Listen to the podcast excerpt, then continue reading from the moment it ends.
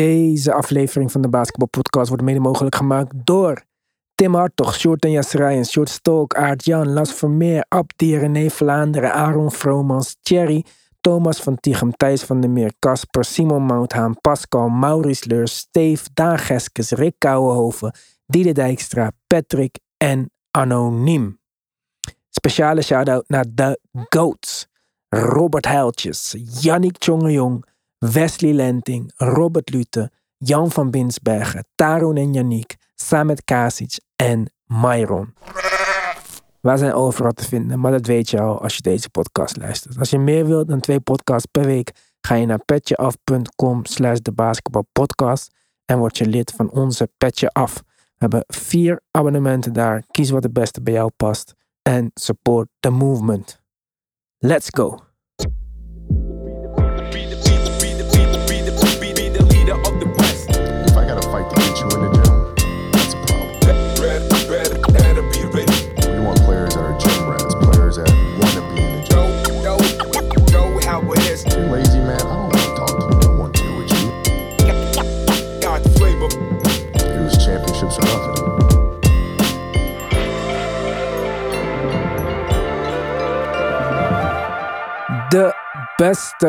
Wensen namens het hele DPP-team. Nou, dat zijn nog ik en Tim. Dus, maar in ieder geval eh, alle gezondheid en geluk toegewenst namens ons. Ja, eh, vuurwerk was leuk Tim, maar heb je nog goede voornemens? Ik ben nooit zo van de eh, hele lijstjes met goede voornemens. Maar ik heb zelf recent en het afgelopen jaar ook wel geleerd dat gezondheid toch het allerbelangrijkste is. Dus ik ga voor goede gezondheid. Goede gezondheid, oké. En jij? Ja, ik hou ook niet zo van goede voornemens. Maar ik ben gisteravond misschien wel een nieuwe oudjaarstraditie gestart. Vroeger maakte ik altijd een beat op oudjaarsavond. Of ik nou bezig was met muziek of niet. Daar had ik gisteren geen zin in. Ik had gisteren mijn huis opgeruimd. Keuken schoongemaakt, toilet, bed verschoond. En toen ging ik echt naar bed met een soort van fris gevoel voor het nieuwe jaar. Ik heb ook zo lang geslapen dat ik er hoofdpijn van had gekregen. Dus eh, ik dacht, misschien is dat wel iets om volgend jaar weer te doen. Kijk aan. Het is niet per se een goede voornemen, maar een nieuw plan of zo. Klinkt in ieder geval goed.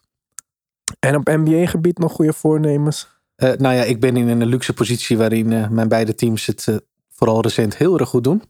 Dus ik ga vooral hopen dat, het, dat ze deze lijn enigszins weten door te trekken. Want dan heb ik in ieder geval voor de regular season heel veel kijkplezier. Ja, jij wel in een luxe positie, ik wat minder. Daarom denk ik dat ik dan de niks maar eens wat minder moet gaan kijken. Want eh, ik krijg toch elke keer dezelfde frustratie. ja, En daarbij dacht ik van, laat me dan teams kijken die, die ik eigenlijk niet zo vaak kijk. En met name, ja, ik noem ze een beetje de Gen Z teams. Bijvoorbeeld Memphis Grizzlies, waar we het zo ook nog over gaan hebben. Maar zo'n speler als Ja, waar ik dan toch niet heel veel mee heb. Ik snap wat de aantrekkingskracht is die hij heeft. Ja. Maar ik heb nog niet helemaal ontdekt waarom mensen echt zo loyaal fan zijn van die man. Dus dat soort spelers wil ik wat vaker gaan kijken. dat is leuk. Dat, eh, daar kan ik wel mee inkomen. Want eh, ik denk dat teams als de Grizzlies en spelers als Ja wel, eh, wel het kijken waard zijn. En als die misschien aan het einde van het seizoen jou kunnen omkrijgen, dan, dan zou dat een hele, hele prestatie zijn. Nee, ik denk dat, ik denk dat de Grizzlies een heel leuk team zijn om, om te kijken. En niet alleen Ja trouwens, want er is, er is echt wel meer dan Ja. Ja, maar het zijn ook meer die andere spelers die ik leuk vind. En Ja. ik zeg helemaal niet dat er iets mis is met Ja. Ik zie ook zijn impact op het team. Ik zie de vreugde waarmee zij spelen. Alleen als speler zijnde snap ik de aantrekking niet echt. Misschien kan jij me dat vertellen. Voor mij is het gewoon ja, heel veel explosiviteit. Ja. Ik vind hem een hoger basketbal-IQ hebben dan bijvoorbeeld een Russell Westbrook. Ik vind hem weer minder fysiek als Derrick Rose in zijn prime.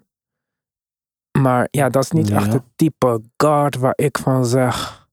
Ja, laat me gewoon even elke wedstrijd kijken. Snap je ook? Ik bedoel, ik weet dat hij over mensen heen gaat springen. En hij is super explosief. Maar ja, misschien mis ik toch een beetje waarom... eh, Ja, ik denk dat het een combinatie van, eh, van explosiviteit en eh, atletisch vermogen is bij hem. Wat, wat ja, re- redelijk interessant is om, om te kijken. De nieuwigheid is er natuurlijk wel een beetje vanaf bij hem. Eh, wat, wat mij betreft altijd een beetje onderschat blijft aan zijn kant is zijn, zijn leiderschapskwaliteit. Maar dat is niet per se spectaculair om te zien. Het is wel leuk om te zien. Ehm, en ik vind ja, Ja aan zich een leuke speler, omdat hij, ja, hij kan op, op heel veel, inmiddels op heel veel, hij begint namelijk wat beter te schieten. Voorheen was dat schieten wel echt een probleem. Uh, werd ook een soort van zwakte. En daar begint hij wel steeds beter, uh, beter mee om te gaan. Uh, en dat maakt ja, dat hij gevaarlijker en gevaarlijker wordt. En ik weet niet, er zijn niet zoveel spelers in de league die zo explosief en, en atletisch zijn als hij. Dus als je er dan één hebt die dat op een manier invulling geeft zoals hij dat nu doet, vind ik dat, ja, vind ik dat altijd wel leuk om te zien. Omdat, ja, noem mij nog een paar andere voorbeelden van, van jongens die met zo vaak de bal in de handen kunnen doen wat hij doet richting, richting de rim. Ja, Zion in een andere vorm misschien. Ja, dat is natuurlijk. Ja, dat is een misschien uh, ja, één koppertje, misschien. Uh... Ja, kijk, ik, ik, nogmaals, ik zeg niet dat er iets mis is met hem. En ik denk dat elke generatie ook de eigen van dat soort spelers heeft. Ik weet nog toen ik Iverson leuk vond, dat oudere mensen hem niet bepaald efficiënt vonden. Of zo. En die zagen dan weer meer in Tim Duncan, waar ik op die leeftijd ja, niks van vond. 100% mee eens. Had ik ook. Ja. En achteraf zag ik ook dat Iverson ook gewoon 6 op 22 avonden had. Ja. En, uh, en dat ja. Tim Duncan heel erg goed was. Alleen, ja, ja, precies. Dus misschien is, misschien is Ja Morant gewoon een beetje deze generaties Iverson, zeg maar. Ja, dat is wel, dat is wel een, een goede comparison, denk ik hoor. Dat zou wel eens goed kunnen. Ja. Ja, dus dan moet ik af en toe mijn oude Zurpietman pet afzetten. En gewoon genieten van wat hij doet. Ja. Zonder daar gelijk vraagtekens voor de toekomst bij te zetten. En ik heb Ja nooit zoals individueel beoordeeld. Omdat ik dat team altijd zo leuk en een hecht collectief heb gevonden. En zijn wisselwerking met dat team als leider. Maar ondertussen ook gewoon onderdeel zijn van een collectief. Werkt bij hun al, al een tijdje zo goed. Ja, dat, dat vind ik echt leuk om te zien. Jongens als Jaren Jackson Jr. Maar ook gewoon een Steven Adams. Uh, Mhm. maar ook bijvoorbeeld Brandon Clark vanaf de bank. Dat, dat, het, het loopt al een tijden heel erg goed. En uh, ja, dat vind ik echt heel leuk om te zien. Ja, voor mij speelt dan in het negatieve ook mee dat ze beter zijn verdedigend zonder Ja op de vloer, zeg maar. Jaren Jackson is natuurlijk echt de revelatie, vooral dit seizoen met zijn blocks en zelfs zijn blocks op de perimeter en zo. Ja. Nou, Dylan Brooks was, is een goede wingverdediger. Desmond Bain, Steven Adams is uh, top offensive rebounder volgens mij in de NBA. Uh, ja, en anders uh, zeker een van de top. Ja, ja, precies. Die ook toch uh, in het begin van zijn carrière niet alle rebounds mocht pakken op de teams waar hij speelde. Ja. Dus kijk, dat soort dingen vind ik allemaal superleuk om te zien. Alleen dan, ja, ik weet niet, misschien kijk ik altijd te veel naar wat het uiteindelijk kan worden. En denk van, oké, okay, ja, het team is heel goed, maar wat gaat Ja per se doen om ze over de streep te trekken? Zoals elk echte kampioenschapsteam voor mij toch iemand had die ze echt over de streep trok op het moment dat het toe deed? Ik vond na afgelopen jaar bij de Grizzlies de vraag meer: wat gaat de rest van het team doen om volgend jaar beter te zijn? Want volgens mij averaged het jaar vorig jaar in de playoffs, nou wat was het? Ja, veel. Achter in de 30 uh, punten gemiddeld per wedstrijd. Ik, ik had niet idee, het idee overal gezien dan dat jaar nog heel veel meer kan doen om dat team nou net over de streep te trekken. En begin dit seizoen, begin van het huidige seizoen, uh, deed Desmond Bain het zoveel beter dan hij al deed. Dus die trok weer een, een stijgende lijn die hij toch al te pakken had door. En toen dacht ik, ja, kijk, dit, dit soort ontwikkelingen. En dan hopelijk een Jaren Jackson Jr. die, nou ja, zoals we nu ook al zien, toch, uh, toch weer beter is dan hij, uh, dan hij was. En fitter. Ja, ja dat is bij, bij hem natuurlijk eigenlijk het voornaamste, voornaamste punt, ja.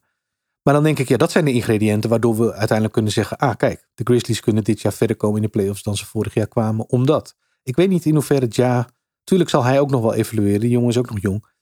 Maar kijk wat hij al deed. En kijk wat hij al, al, al produceerde. Ja. Denk ik, ja, als hij misschien zich verdedigend wat beter um, staande weet te houden. Dan worden de Grizzlies denk ik als collectief nog beter. Want ja, hij staat natuurlijk vaak op de vloer. Maar uh, het, ik kijk met name naar jongens als Bane, Jaren Jackson. Daar zit, daar zit nog een hoop, uh, een hoop groeien. Ja, maar toch vind ik, ik snap je punt. Maar toch vind ik dat ook een stukje van dat scoren niet helemaal meetelt. Michael Jordan scoorde 43 punten in de playoffs, maar ze wonnen niks. First round exit. Ja. Dus het is niet altijd, zeg maar, die punten. Het is ook wat doe je voor je team, zeg maar. En ik zeg niet dat hij niks doet voor zijn team of zo. Maar nogmaals, misschien moet ik het ook gewoon meer gaan kijken dan. En daar ben ik uh, vandaag mee begonnen. Maar daar komen we later op. Want we moeten eerst nog even terug gewoon naar het, uh, naar het vorige jaar. Oudjaarsavond, misschien wel de leukste wedstrijd die ik heb gezien op een soort van feestdag. Clippers tegen de Pacers. Nou ja, jij ziet de Pacers natuurlijk vaker. Ja. Ook Wesley zei al in de chat van Pacers zijn superleuk. Sjoerd zei gelijk van ik ga elke wedstrijd van de Pacers kijken. Ik denk dat ze wel echt eh, alles uit dit national TV moment hebben gehaald wat ze konden, zeg maar. Om Ja. te laten zien dat het gewoon een heel leuk team is. En eh, uiteindelijk ook de Clippers verslagen. En dat was nog best wel een opgave, want Paul George is eh, redelijk goed elke keer als hij terugkomt in Indiana. Volgens mij had hij in zijn vorige drie wedstrijden 36 punten per stuk. Nou, gisteravond had hij bijna een eh, personal best. Maar ja, mooie wedstrijd denk ik. En eh, jullie topper, Halliburton, op eh, full display in het vierde kwartaal. Nou, en met name dat was wat mij betreft de openbaring. En ik vaker gezegd, Halliburton doet het hele seizoen natuurlijk al goed. Maar een van zijn aandachtspunten was de agressiviteit richting de basket ook. En dit was exact het punt. Want eh, in crunch time meermaals eh, trok hij richting de basket, forceerde vrije worpen. En uiteindelijk voor de beslissende deed hij dat ook. En dat laat wat mij betreft zien dat hij actief bezig is met eh, hoe hij zelf als speler nog beslissender kan zijn dan hij al was. Want hij settelde toch te vaak voor de sidestep 3 of nou, step back 3, zo je wil. En nu heeft hij ook meer en meer laten zien dat hij ook tegen goed verdedigende collectieven, wat de Clippers uiteindelijk toch wel vaak zijn, eh, ook gewoon ja, contact op kan zoeken, vrije worpen kan, eh, kan forceren. En eh, ja, dat, dat maakte nu de winst. Ik vond ja, een le- hele leuke wedstrijd, zeker. Ja. Ja, en ook weer een belangrijk punt dat je die wedstrijden echt moet kijken dan om te zien hoe leuk het is. Want als je naar de stats kijkt van Halliburton, je ziet 24 punten, dan denk je allicht dat er niet zoveel bijzonders is gebeurd. Klopt. Ja, Maar klopt. Dat was toch wel anders in het echt. Ja, er is veel te zien als je, als je, als je de Pacers ziet. Absoluut. Dat geldt trouwens voor de Clippers in andere, met, voor andere redenen ook. Een heel interessant team. Maar de Pacers, ehm, er, gebe- er gebeurt een hele hoop. Want iedereen vergeet eh, dat eh, er gewoon naast hem een rookie eh, de beste speler op het andere team staat te verdedigen. Ja, Al het ja, hele seizoen. ja, ja. En Miles Turner, is daar iets nieuws over bekend? Want we hadden natuurlijk dat er misschien mogelijk toch contractonderhandelingen gingen plaatsvinden. Ja, wat Shams eh, naar buiten bracht was dat de eh, contractonderhandelingen waren gestart. En eigenlijk is het daarna weer stil geworden. Ja, logisch ook. Het lijkt alsof ja, alle opties open zijn. Het enige punt is, er moet wel een beslissing genomen worden. Want het enige wat je niet wil is dat hij eh, dit seizoen afspeelt. En als free agent gewoon vertrekt eh, komende zomer. Want dan krijg je niks terug voor hem. Dat zou echt zonde zijn. Ja, snap ik ook niet. Hey, ik zei net al, Memphis Grizzlies, we hebben het er later over. Nou, dat moment is aangebroken. Ze speelden tegen de Pelicans. Toch een hoger dan hen geplaatst team. Maar het zijn alle twee natuurlijk onwijs leuke teams. Jonge teams. Eh, ik denk dat heel veel mensen zichzelf een plezier zouden doen als ze een van die twee teams wat meer zouden gaan kijken. En de. Pelicans waren natuurlijk bezig aan een hele goede run. Maar zijn inmiddels 5 en 5 in de laatste 10 wedstrijden. En de Grizzlies zijn 6 en 4. Dus die zijn misschien juist wat bezig aan hun eh, renaissance. Nou, eh, ik eh, had er in ieder geval veel zin in. Zulke wedstrijden kijk ik altijd naar uit. Uiteindelijk werd het niet zo spannend als ik had gehoopt. En misschien ook wel verrassend. Werd het toch een makkelijkere wedstrijd voor de Grizzlies. Ja. Ja, en dat was met hetzelfde team als waarmee de Pelicans al hun succes heeft behaald in de laatste weken. Het is niet alsof we voor het eerst bijvoorbeeld een Brandon Ingram missen.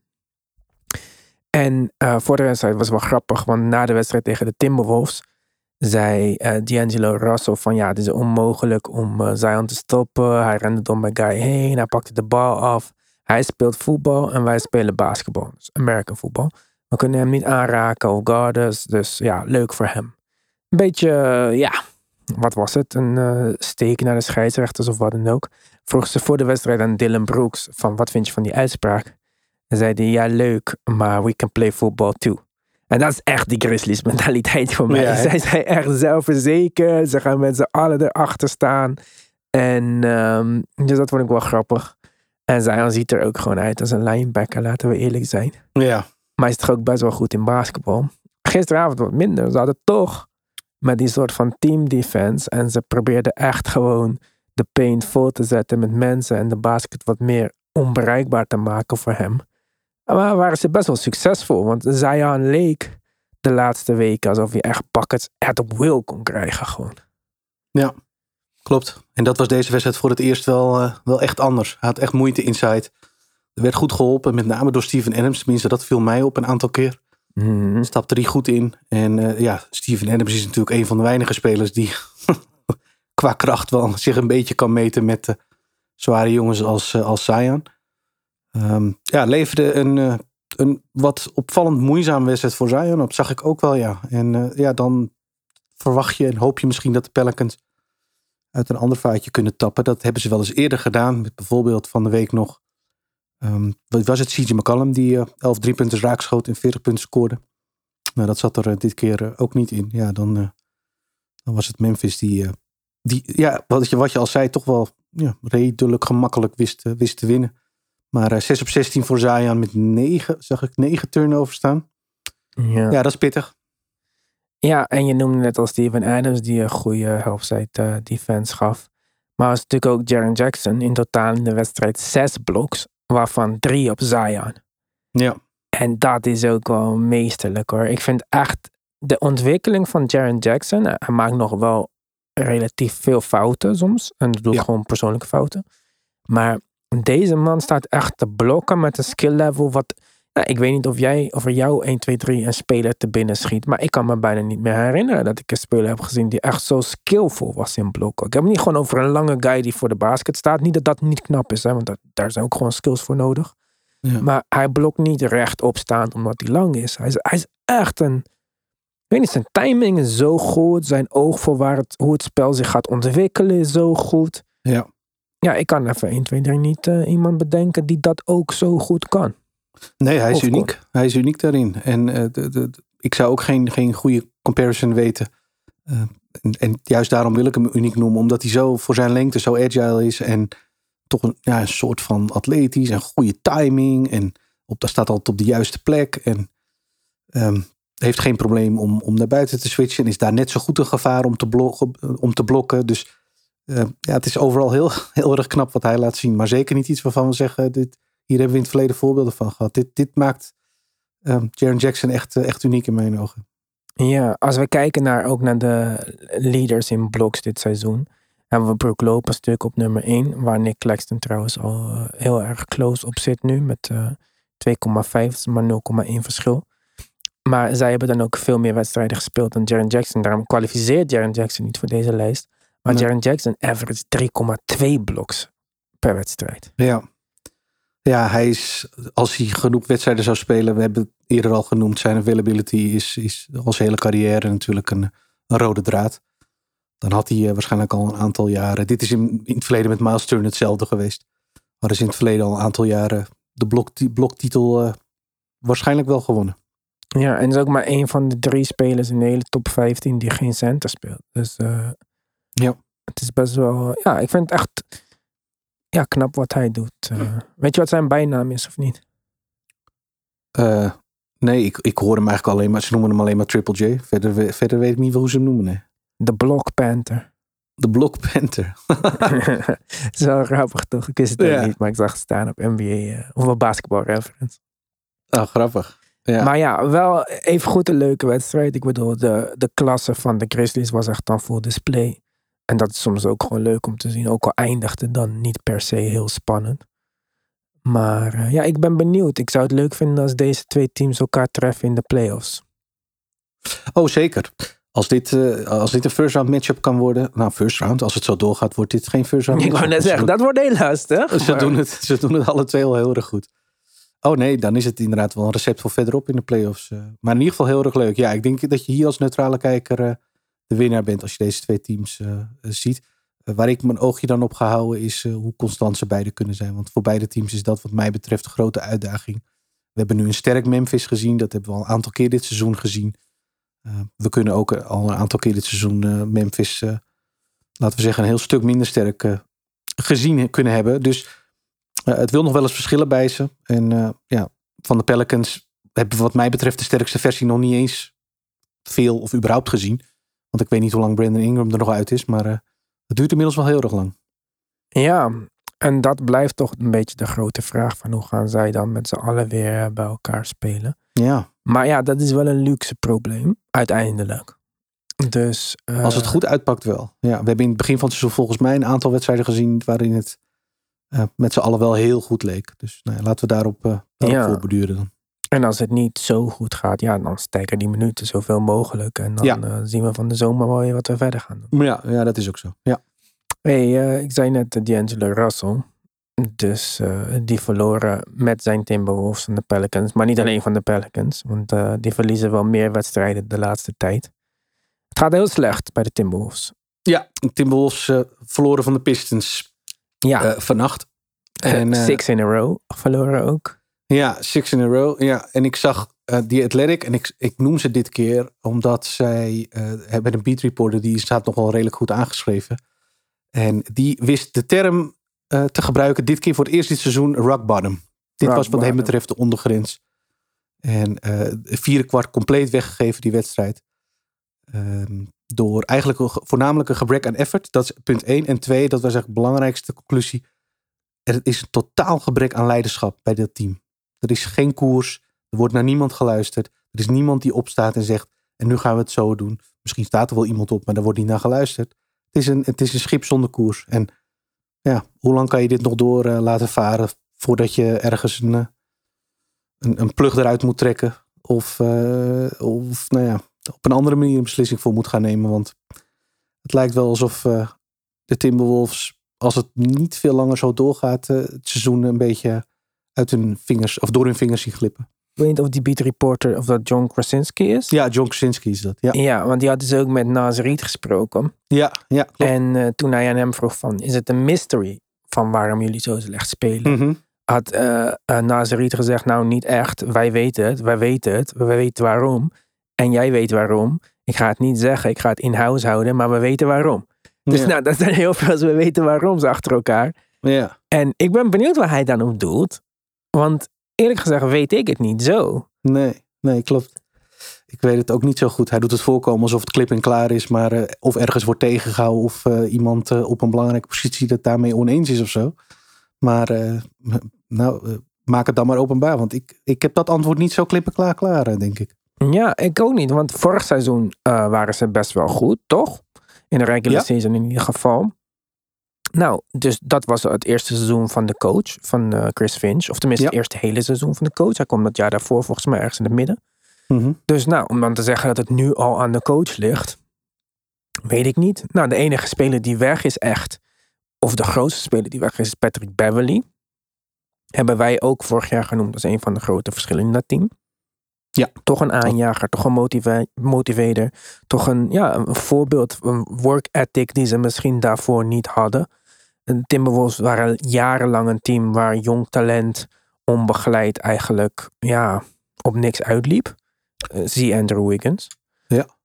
En eh, nou, die hebben ze dus getraind. Die hadden ze blijkbaar niet nodig. Of misschien hadden ze meer nodig wat ze in Rudy Gobert eh, terugkregen. Volgens mij is niet iedereen op de Timberwolves het groot, de grootste fan van Rudy Gobert. In ieder geval Anthony Edwards niet. maar denk je dat hij daarop doelde? Dat kan toch niet? Kan toch, kijk, hoe slecht ik ook Rudy Gobert vind, of hoe overrated ik Rudy Gobert vind, laat me het zo zeggen. Ik zou hem niet kunnen aanwijzen als de reden voor deze misery, zeg maar. Nee, ik ook niet. Ik denk namelijk dat zij nog wel een paar stappen te maken hebben in, in Rudy Gobert zo op zo'n goed mogelijke manier eh, te gebruiken. Om, eh, om, om in ieder geval dat we straks met z'n allen kunnen zeggen, nou, eh, Gobert past of past niet bij dit team. Maar als je dat op dit moment zou doen, dan is het gewoon, dat is veel te makkelijk. Want hij wordt gewoon niet voldoende gezocht. Hij wordt niet goed gebruikt. Ja, hij kan zich niet zo profileren als dat hij in Utah natuurlijk wel kon. Waarbij dat team zo'n beetje, eh, in ieder geval op het verdedigende vlak, om hem heen gebouwd werd. En eh, eh, in eerste instantie nog, met de, met de jaren werd dat minder. nog wel aanvallend voldoende de bal in zijn hand kreeg om ook wat punten en, en aanvallende rebounds te pakken. Ehm, Dat is in Minnesota is zijn rol veel, veel te laag. Zeker voor de prijs die ze voor hem opgegeven hebben. Ik zou niet durven ze. Het enige wat ik, waar ik denk, ja, er is een speler nu niet. eh, dat is natuurlijk Cat. Die altijd roept dat hij eh, de beste speler van de Timberwolves is. Maar ja, het is natuurlijk een 0,0 leider. Dus als er een gebrek aan leiderschap is, eh, is een gebrek aan direction. Dat gaat Cat ook niet voor je oplossen. Want dat is niet degene die, wat mij betreft, daar tegen de kleedkamer zegt: we gaan het zo doen en niet anders. Dus ik weet niet of ze die oplossingen binnen, binnenshuis hebben. Ja, Cat is voor mij een van de meest. Ja, hoe moet je dat zeggen? Ik zoek het goede woord, ik kom even niet op het goede woord. Maar ja, in ieder geval echt het tegenovergestelde van een leider. Zit er heel vaak naast, naar mijn mening, met zijn, met zijn mening over. eh, Ik vind soft. Ja, soft is hij ook. Maar het is ook gewoon het feit dat hij bijvoorbeeld zoveel de mening opzocht. Of de media opzocht ten tijde van het hele corona gebeuren. En ik snap dat het echt eh, tragisch is als je ouders overlijden. Of zijn moeder in dit geval. Ja. Maar ook gewoon door zichzelf te benoemen tot de best sh- shit shooting Ja. big man in the game. Kijk, het is Ja. nog los van Dirk en zo. Het gaat niet eens om die spelers uit het verleden. Maar het gaat meer om hem. Want jij krijgt nu je zin. Je wordt power forward, wat je niet bent. En dat komt ook alleen maar omdat je dus misschien inderdaad te soft bent om inside te spelen. Omdat niet wil spelen. En vervolgens beloon je deze beslissing door 32% van drie te schieten. Ja. Ik ben niet alleen niet de beste big man. Of niet de best shooting big man ever. Je bent momenteel de slechtst shooting speler die vijf attempts per wedstrijd neemt van achter de driepuntlijn. Ja. Dus Ja, ja, en- ja. Ja, het is, het is ook wel een, als je het zo ziet, wel een, een collectief probleem bijna. Want eh, eh, de kritiek op die nederlaag tegen de Pistons lag ook weer in het gegeven dat er gewoon simpelweg te weinig effort werd getoond. Ze werden uiteindelijk door de second unit van de Pistons werd die wedstrijd beslist. Dus niet in garbage time. Die wedstrijd werd echt beslist door hun. En dat waren de, gewoon de, de, de, starters van de Timberwolves die, eh, die daarmee eh, de wedstrijd weggaven. En dan hebben we in het verleden natuurlijk het voorbeeld gehad van Jimmy. Die daar ook vond dat de boel te soft was en uiteindelijk weg wilde. ja. Nou hebben we weer een aantal spelers. De kritiek op Edwards dit seizoen is hetzelfde. Ja. hij scoort nu 30 punten, maar hij was nergens in het vierde kwart. En hij krijgt weer kritiek op zijn effort. In ieder geval ook op het, aan- op het defensieve vlak. En dan denk ik, als we een ploeg hebben die hemel en aarde heeft bewogen om één defensief anker binnen te halen. En we krijgen nu, nu, nu we drie maanden onderweg zijn, vraagtekens over verschillende spelers. Want van D'Angelo Russell wordt ook wel eens gezegd Mhm. dat het een crafty speler is, maar zijn effort wordt wel eens eh, in twijfel getrokken. Vaker dan eens. En dat is bij Edwards ook niet de eerste keer dat we dit horen. Nee. Dan denk ik, ja, maar hoe is dit dan opgebouwd? Dit, dit, dit is, als dit de basis nu is, nou dan lijkt me die heel erg shaky. Ja, mij ook. En de mogelijke veranderingen zijn ook beperkt. Wij hebben het er al eerder over gehad. Cat kan niet Ja. worden getraind. Nou, Gobert zou je dan nu verkopen voor ja, dubbeltjes op de euro, zeg maar. Of Ja. pennies aan de dollar. Je krijgt gewoon veel minder voor hem terug dan wat je net voor hem hebt betaald. Nou, Edwards ga je als het goed is niet nu opgeven. De return voor D'Angelo Russell is niet groot. Dus Nee.